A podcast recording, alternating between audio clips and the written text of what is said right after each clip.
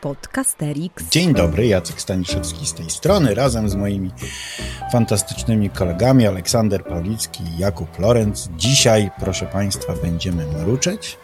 Tak się y, nastawiliśmy nad tym, że będziemy rozmawiać o czymś, co dla nas y, pracujących na co dzień w szkole edukacji y, jest y, codziennością, ale dla Państwa może być pewnego rodzaju odkryciem. Otóż będziemy rozmawiali o czymś, co w skrócie właśnie brzmi MRU.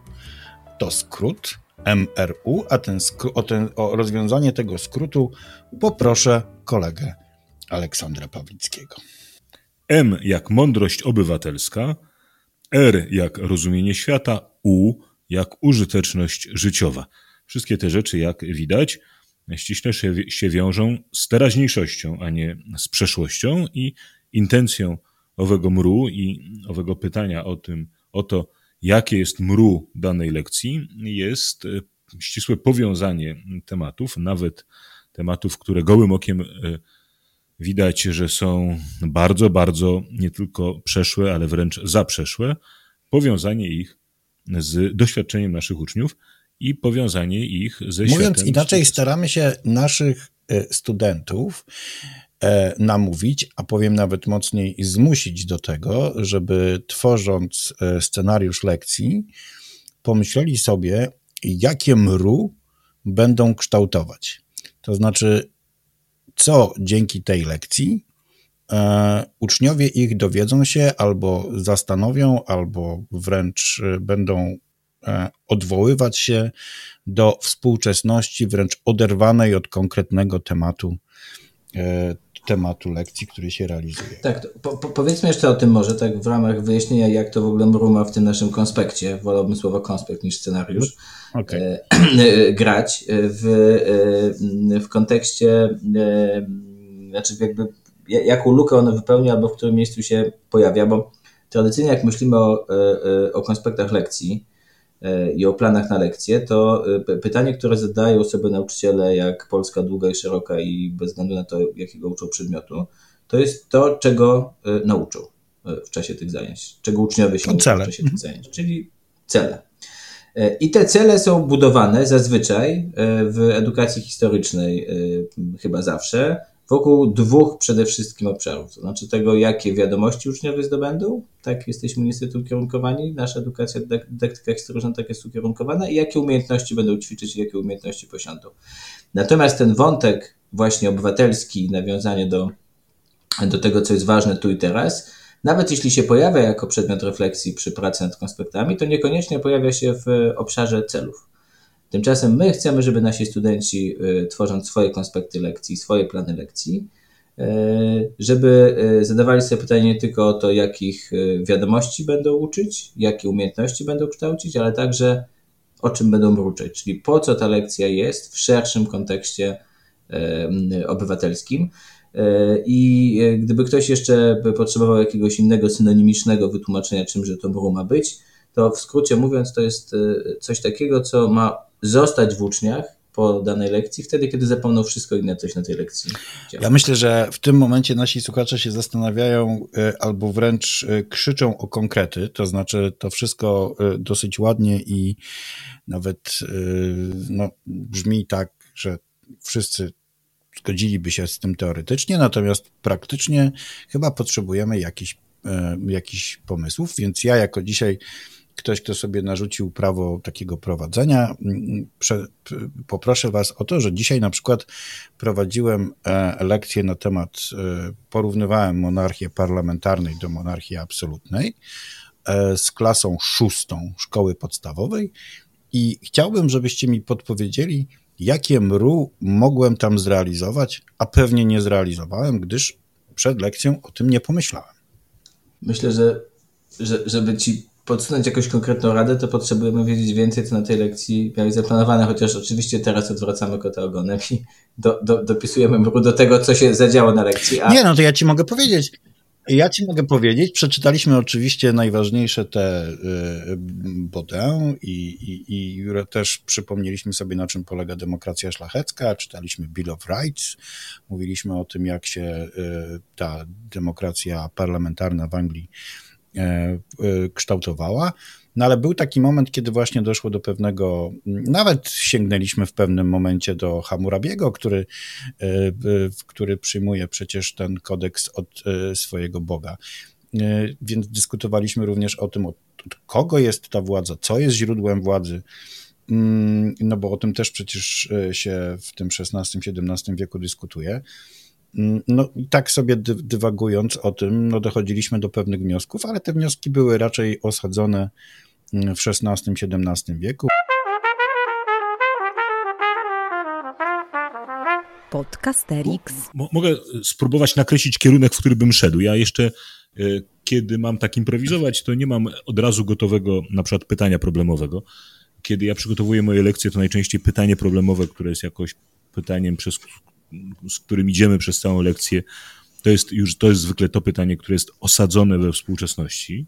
Innymi słowy, za każdym razem e, e, zadaję pytanie stąd, z tego miejsca, z tu i teraz e, i namawiam moich uczniów do tego, żeby oni pojechali mhm. ze mną gdzieś dawno, po to, żeby po jakimś czasie wrócić do teraz i, i, i żebyśmy odkryli raz jeszcze, że z tym materiałem, które zebraliśmy dawno, zbliżyliśmy się do jakiejś ważnej odpowiedzi zadawanej tu i teraz. I kiedy myślę sobie o tym zestawieniu monarchii absolutnej z monarchią parlamentarną, to to, co wydaje mi się tutaj ciekawym punktem odniesienia, to jest pytanie o e, to, mm, jaką rolę dla ludzi, e, jak, jaką rolę w, naszej wyobraźni politycznej, w naszym myśleniu o państwie odgrywa mhm. głowa państwa.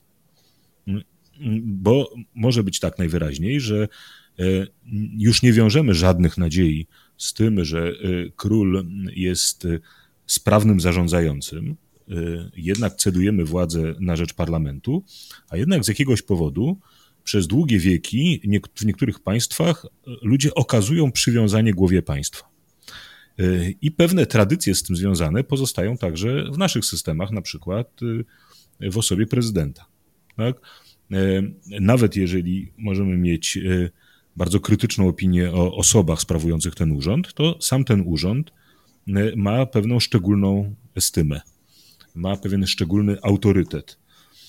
I to jest trochę o tym, zwłaszcza, że mamy też bardzo ciekawe przykłady aktualne, pokazujące, że ten autorytet jakby przestaje być potrzebny na naszych oczach. Innymi słowy, e, z jakiegoś powodu e, Brytyjczycy zachowali sobie króla, mimo że on już de facto mhm. panował, a nie rządził. Y, I z jakichś powodów po śmierci królowej Elżbiety y, nie, nie mało osób i wcale nie mało państw dawnego Commonwealth, czy obecnego Commonwealthu postanawia zrezygnować z królestwa i wprowadzić republikę. To jest ciekawe. To jest ważne pytanie. To znaczy, dlaczego potrzebujemy takiego punktu orientacyjnego w postaci głowy państwa? Y, dlaczego potrzebujemy, a może dlaczego przestajemy potrzebować, bo najwyraźniej niektórzy mhm. przestają potrzebować takiego, takie, takiego punktu odniesienia. Co nam to mówi o naszym stosunku do państwa, o tym, czym jest państwo, jak my je postrzegamy? No to ja bym z kolei szukał tego mru w obszarach y, związanych z wpływem no, mieszkańców, poddanych, obywateli na, e, w różnych epokach, różnie możemy ich nazywać, na to, jak wygląda ustrój państwa. Tak? No, skoro zaczynamy od Hammurabiego i kończymy na monarchii absolutnej, no to siłą rzeczy e, narzuca się poszukiwanie e, no, porównań w zakresie możliwości władcy i praw i obowiązków, praw przede wszystkim no, poddanych albo mieszkańców jego państwa. E, nie mam jakiegoś takiego gotowego pytania, znaczy gotowego mru, także dlatego, że ono silnie wiąże się właśnie z jakimś pytaniem, e, na które fajnie jakby ta mhm. lekcja jedna mrucząca podpowiadała, ale właśnie szukałbym w tym, w tym, e, w tym, w tych relacjach władza a jednostka.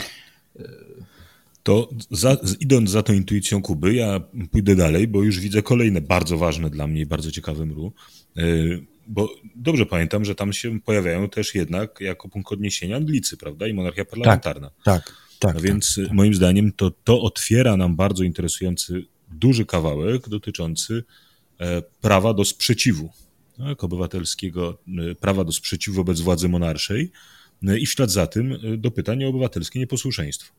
Bo to jest jakby ta linia, ta linia rozważań dotyczących tego, w jakich granicach mamy być posłuszni władzy, a kiedy możemy autorytet władzy odrzucić, e, świadomi wszystkich możliwych ryzyk. I to nie tylko ryzyk związanych z tym, że władza nas ukaże, ale też e, ryzyk związanych z tym, jak funkcjonować w ogóle może państwo, w którym ludzie e, wypowiadają posłuszeństwo władzy nieustannie, prawda?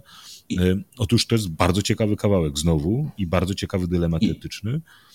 I znowu nie brakuje przecież z naszej współczesności bardzo istotnych dylematów. No, nie musimy szukać daleko. Pamiętacie, że pytania o to, czy należy płacić podatki, jeżeli z tych podatków finansuje się, nie finansuje się zabiegi aborcyjne, tak? to były pytania, które no, nie, nie tylko były w przeszłości, ale one powracają właśnie.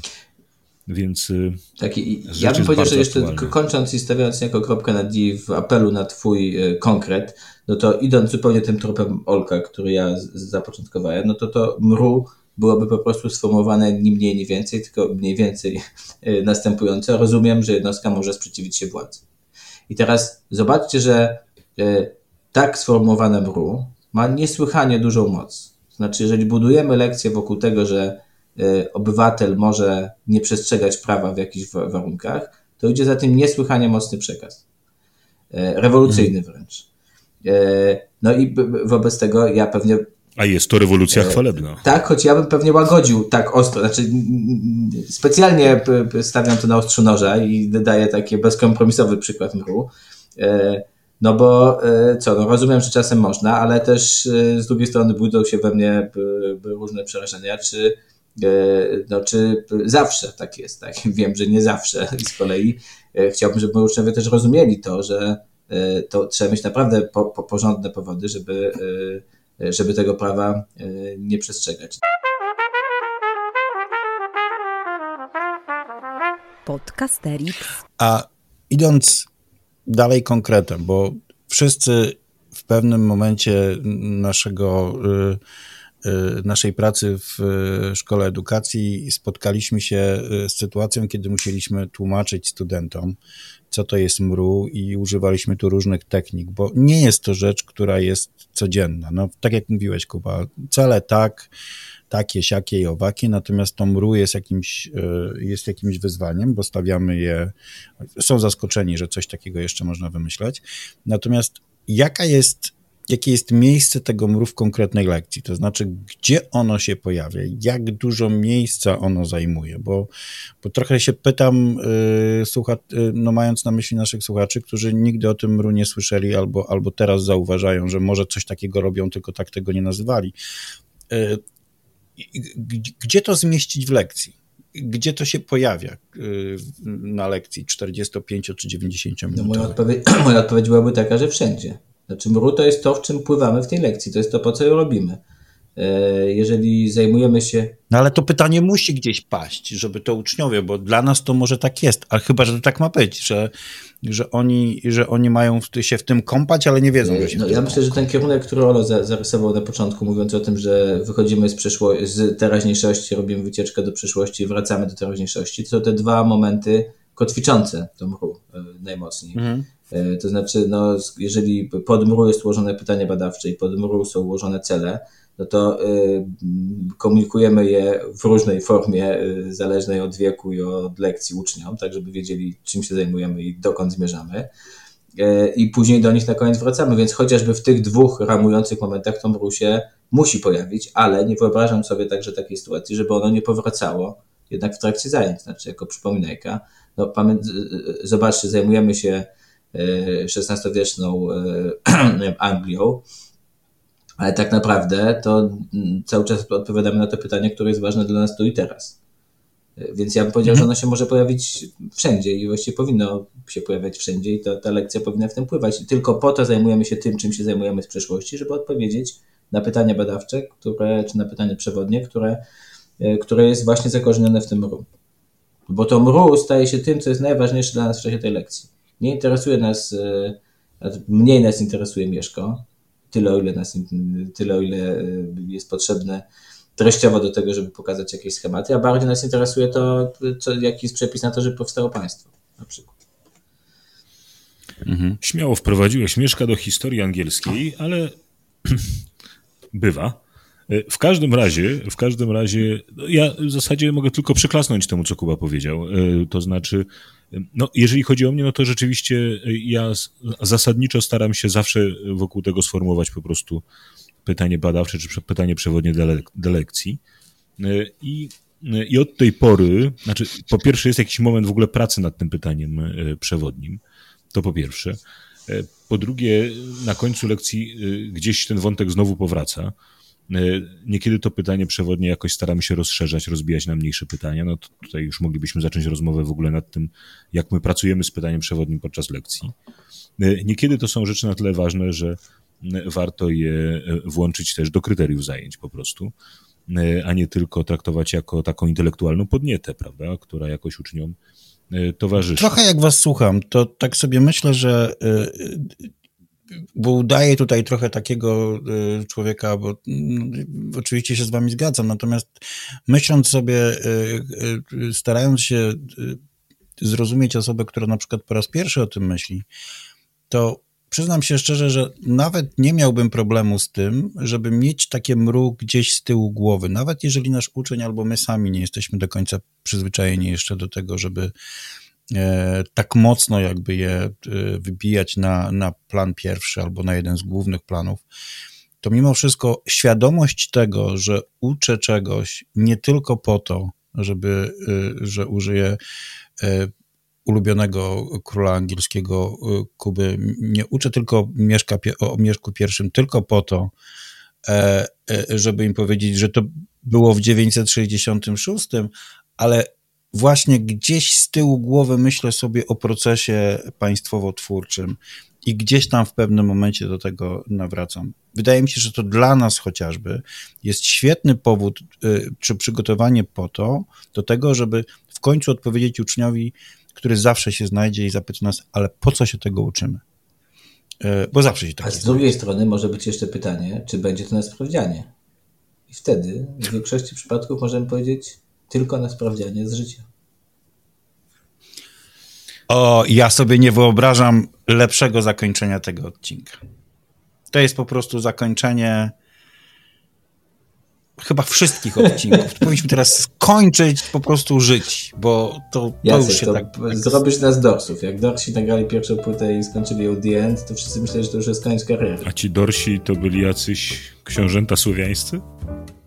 Z kraju Lędzian. To był Podcasterix. Wysłuchali Państwo kolejnego odcinka podcastu Trzech Nauczycieli Historii, którzy lubią sobie pogadać o swojej pracy, bo ją po prostu uwielbiają. Tych trzech jegomości to Kuba z charakterystycznym R, Olek z charakterystycznym głosem i Jacek, który czuwał nad nagraniem i montażem. Podcast przygotowano dzięki wsparciu Szkoły Edukacji Polsko-Amerykańskiej Fundacji Wolności i Uniwersytetu Warszawskiego, w której cała trójka pracuje. Więcej informacji na stronie szkolaedukacji.pl. W czołówce wykorzystano dźwięki na wolnych licencjach, a głosu użyczyłam ja, czyli Adriana Bąkowska. Zapraszamy na kolejny odcinek.